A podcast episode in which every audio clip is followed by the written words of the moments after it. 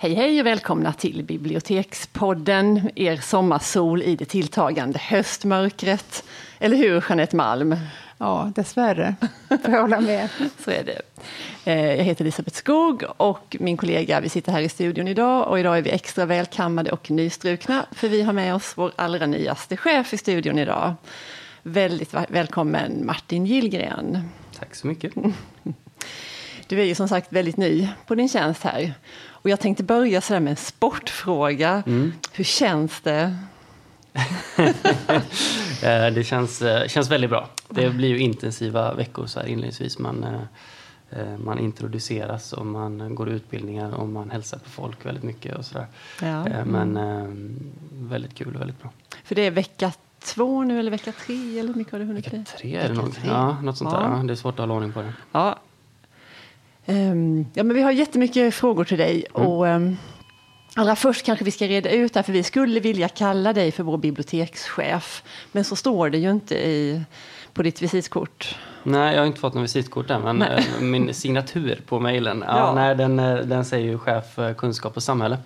Ehm, så, så, det är ju lite bredare än, än biblioteken. Det innebär också konsument Halmstad och medborgarservice i Andersberg. Då. Mm. Ehm, så det är egentligen fyra enhetschefer som jag då är chef över och tre av dem tillhör biblioteket.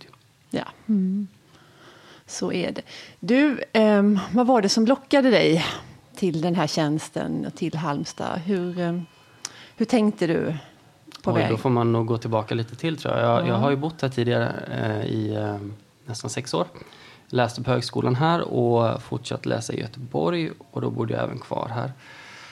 Sen när jag och min sambo då, som, som träffades när vi, när vi läste här eh, skulle få barn, då bestämde vi oss att vi skulle flytta någonstans där det fanns föräldrar i närheten. Det mm. skulle vara smidigt. Liksom. eh, så då blev det Oskarshamn för Emma och min sambo kom därifrån. Mm. Och ehm, där har vi bott och jobbat och fått ett till barn. Men hela tiden har vi längtat tillbaka till Halmstad faktiskt. Eh, sen när jag fick till mig om den här tjänsten så kändes den också klockren. Jag jobbade som kulturchef tidigare i Oskarshamn. Och eh, tyckte ju att det fanns en dragning till Halmstad i förhållande till biblioteket och tanken hur man jobbar med kultur här. Eh, biblioteket är ju på något sätt en kronjuvel mm. på det sättet. Men den säger också någonting om, om hur man vill arbeta med kultur och eh, hur man lägger in det i de kommunala målen och så vidare. Att det finns en satsning där. Eh, och för mig hör kultur och fritid ganska nära samman. Det är någonting som människor gör till stor del på sin mm. fritid. Mm. Och um, det kan man även se hur det speglar på fritidssidan med satsningar på allt ifrån arena till fina promenadstråk ut med havet eh, och så vidare. och Så vidare. Så, så jag tycker det finns liksom en, en, eh, en välvilja och en, eh, eh, vad ska man säga, en, en kultur, en andemening här som, som är fantastiskt fin. Mm. Som lockar mig både som eh, privatperson då, men också i yrkeslivet. Då. Mm.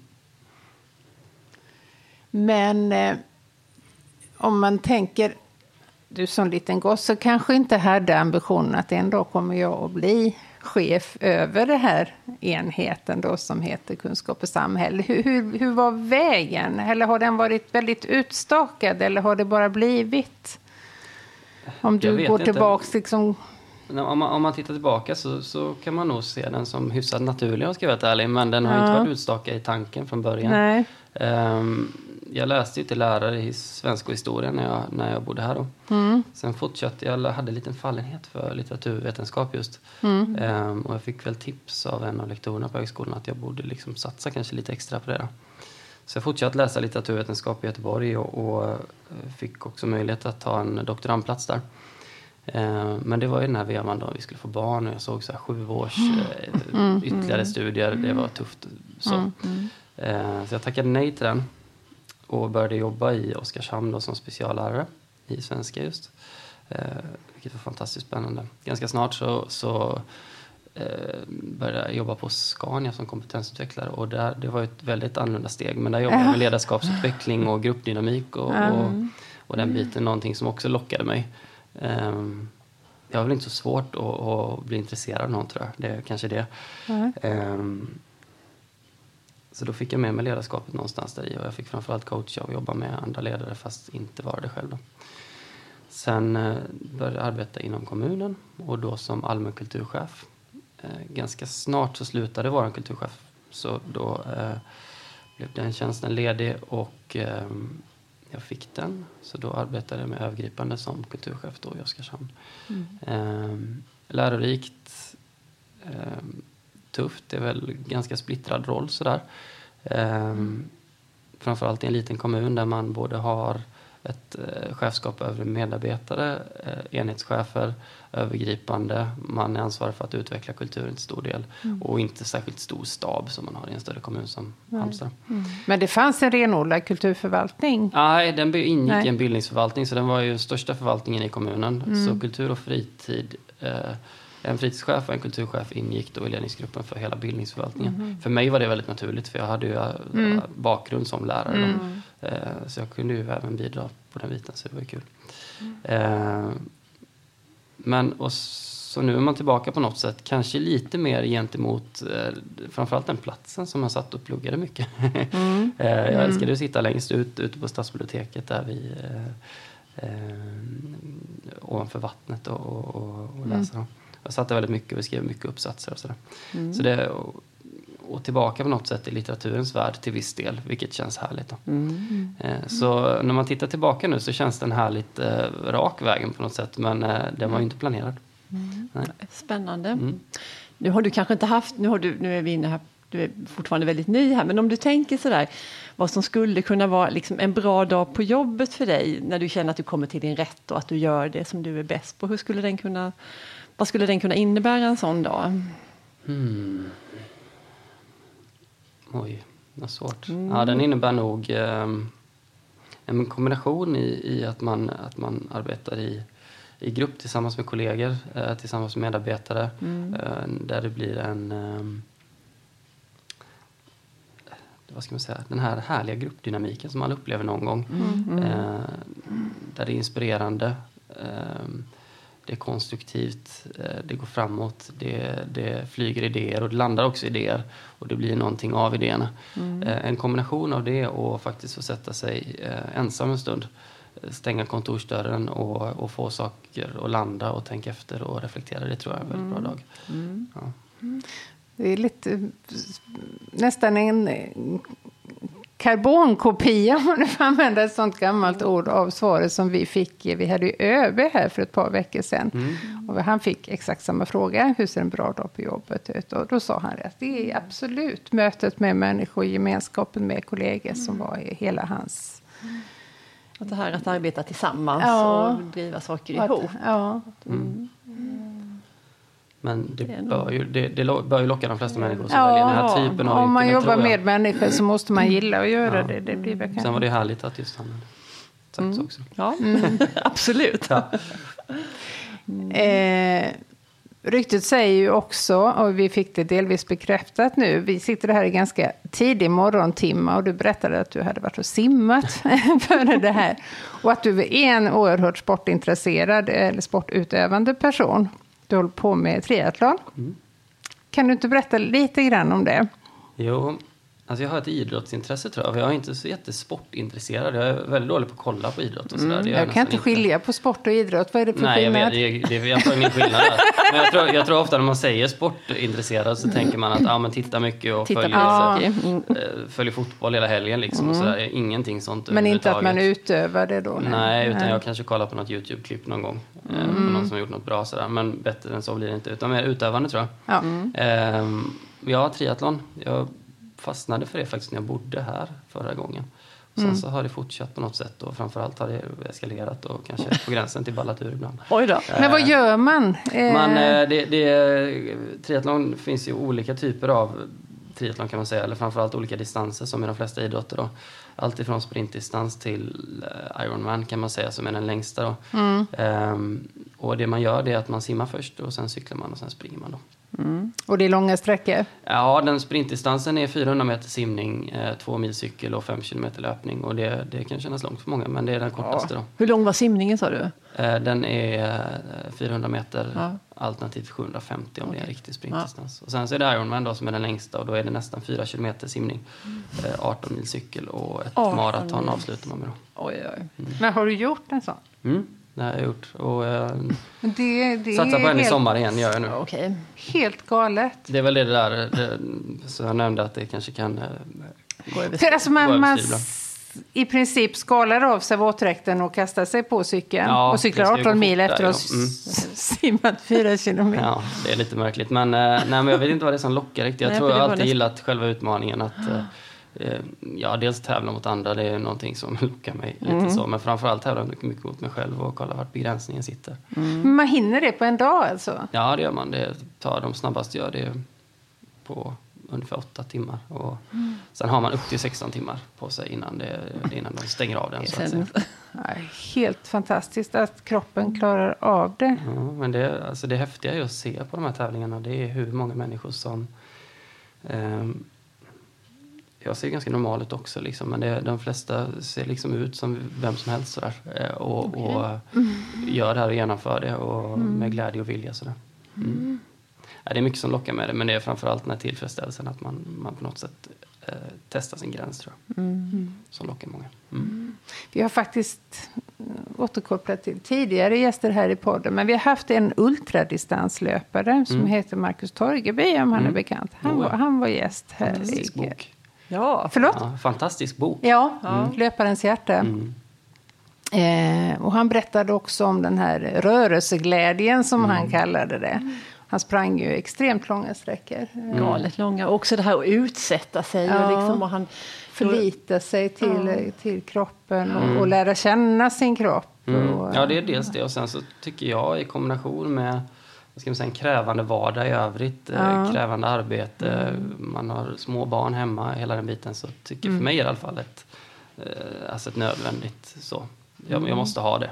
Mm. Eh, och en, en, dag egentligen utan rörelse blir det inte särskilt bra dag heller. Du tränar någonting varje dag? Ja, och gärna innan jobbet och, och gärna någonting kanske på eftermiddagen också. Sådär. Okay. Det tycker jag är härligt. Och, och, jag upplever att min sambo har liksom samma syn sådär mm. på, på livet och, och mm. behöver det också. Det passar väldigt bra för oss. Mm. Och det kan nog låta extremt för många men, mm. men jag tror att många känner igen sig också att man behöver mm. det här komplementet då till, eh, till det kanske mer psykiskt utmanande i mm. övrigt. Då. Mm. mm. Fast därifrån till att verkligen göra det för det är ju jättelätt att man drunknar just och små barn och jobb och att tiden på något vis går jämnt upp, att man inte ser till att man får det där som man kanske ändå vet att ja men det hade inte varit så dumt. Ja, mm. ja men jag tror att man, man, man ökar det där långsamt också. Till slut blir det en mm. vana som är väldigt svårt att vara utan också. Mm. mm. mm. Ja. ja, spännande. Du, om du ser tillbaka, kan du säga någon person sådär som har betytt någonting för dig? Och då tänker vi på det här med din yrkesutövning och din inriktning och var du kommer hamna någonstans.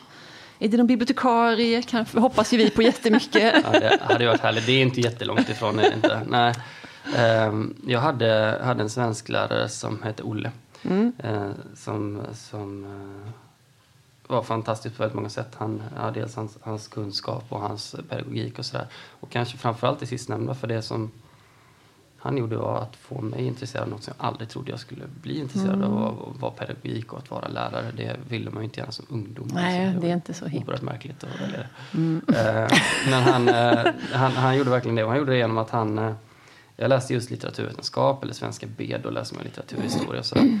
Och um, han var extremt duktig på att, uh, att skapa um, liv och intresse i, mm. i de här liksom, klassiska författarna. För det är ju något man läser i svenska B fortfarande. Är det att mm. Man ska ta sig igenom alla alla klassiker helt enkelt. Ja. Men han gjorde det på ett fantastiskt sätt. Och, och jag minns framförallt ett tillfälle, det var, han var med nämligen ett sånt här Bellman-sällskap då. Mm. När vi skulle läsa eh, Bellman och, och titta på hans texter och så. Då kom han in utklädd till Bellman. eh, lekte lite berusad och satte sig på en pall längst fram. Och hade han luta? Ja, han hade luta och hostade och sjöng så här. Och det var vad den här lektionen gick ut på. Det var mm. någonstans där, det, alltså det satte ett minne någonstans. Mm. Att det, det är så som, som eh, pedagogik ska vara på något mm. sätt. Ja. Så det där tog jag med mig väldigt mycket. Jag gjorde ju aldrig samma sak själv, Nej, fast jag gjorde lite andra konstiga grejer. Ja. Ja. Um, det är sånt där som man oftast bara ser på film. Jag, jag, mm. ja, ja, precis. Man kan lätt se det framför sig faktiskt. Men, eh, ja, men han fanns i alla fall. Oh. Och han finns fortfarande. Och, nej, han gjorde ett fantastiskt avtryck. Och jag hade lite kontakt mm. med honom i efterhand också. Och, mm. eh, skickade lite texter jag själv skrev och sådär ja. till honom. för eh, Extremt kritiskt eh, granskade blev de i och för sig. Ja, ja. Det var tufft att skicka saker till honom. Mm. Mm. Tänkte du att du ville, det här med skrivandet som du var inne på nu, att du ville liksom komma vidare med det och publicera dig? Och ja, det har man, har man ja. nog haft en dröm om. Sådär. Ja. Eh, nu jag fick aldrig publicerat något skönlitterärt. Jag tror jag är alldeles för mycket perfektionist för att någonsin få till någonting skönlitterärt och verkligen lämna ut till någon. Sådär. Men eh, däremot så skrev jag både krönikor och litteraturkritik eh, och sådär mm. eh, under en period framförallt medan jag läste i Göteborg. Mm. Eh, och även ett tag in på eh, min vistelse i Oskarshamn. Då. Mm. Och det var i tidningar runt omkring här. Som mm. Mycket populärkultur. Sådär. Mm. Tycker det har funnits en, en dragning till den här kulturen och litteraturen som um, gemene man tar del av och, och har glädje av. Sådär, mm. och framförallt titta på djupet i den. Mm. Det leder oss osökt in på nästa fråga som vi har förberett här. Att kulturförvaltningen har ju som en paroll kan man säga att kulturen spelar roll. Mm. Hur, hur, om man konkretiserar det, hur, på vilket sätt spelar den roll? Eh, jag tror att det hänger ihop med ett svar jag tror jag gav i början där. Mm. Det blir ju många gånger att man får berätta om sig själv i sådana här sammanhang, mm. alltså när man börjar en ny tjänst. Men eh, jag var inne på det, att varför jag till exempel flyttat tillbaka till Halmstad. Mm. Eh, en meningsfull fritid någonstans. Och, ja. och, eh, och, kulturen hör ju samman där i.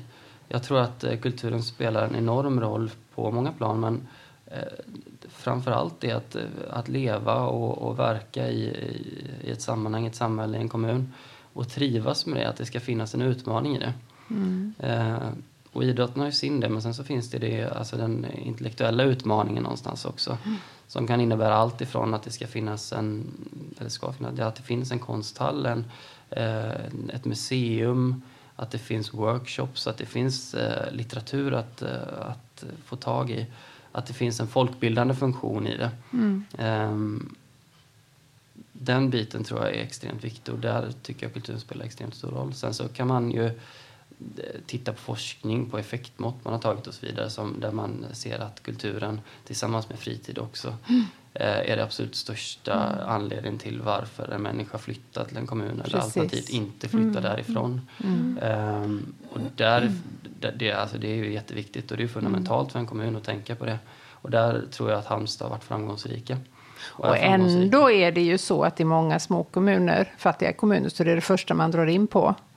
Eh, till förmån då för eh, vård och omsorg. Så att man förstår faktiskt inte, eller Nej. kanske inte har valet. Man, eh, man försöker släcka bränder väldigt mycket och man ja. tänker inte långsiktigt. Men ska mm. man tänka på långsiktigt om man vill till exempel öka sina kommun, alltså antal kommuninvånare, man vill ha en eh, vad ska man säga, en attraktivare miljö, en fysisk mm. miljö att röra sig i och så vidare. Så, eh, så måste det hänga ihop. Och för mig hänger ju även, alltså kultur blir även arkitektur någonstans. Mm. Hur man bygger, hur man mm. utvecklar en stad. Att man mm. kanske inte bara um, väljer det enklaste alternativet hela mm. tiden utan man faktiskt tänker attraktivitet utifrån det.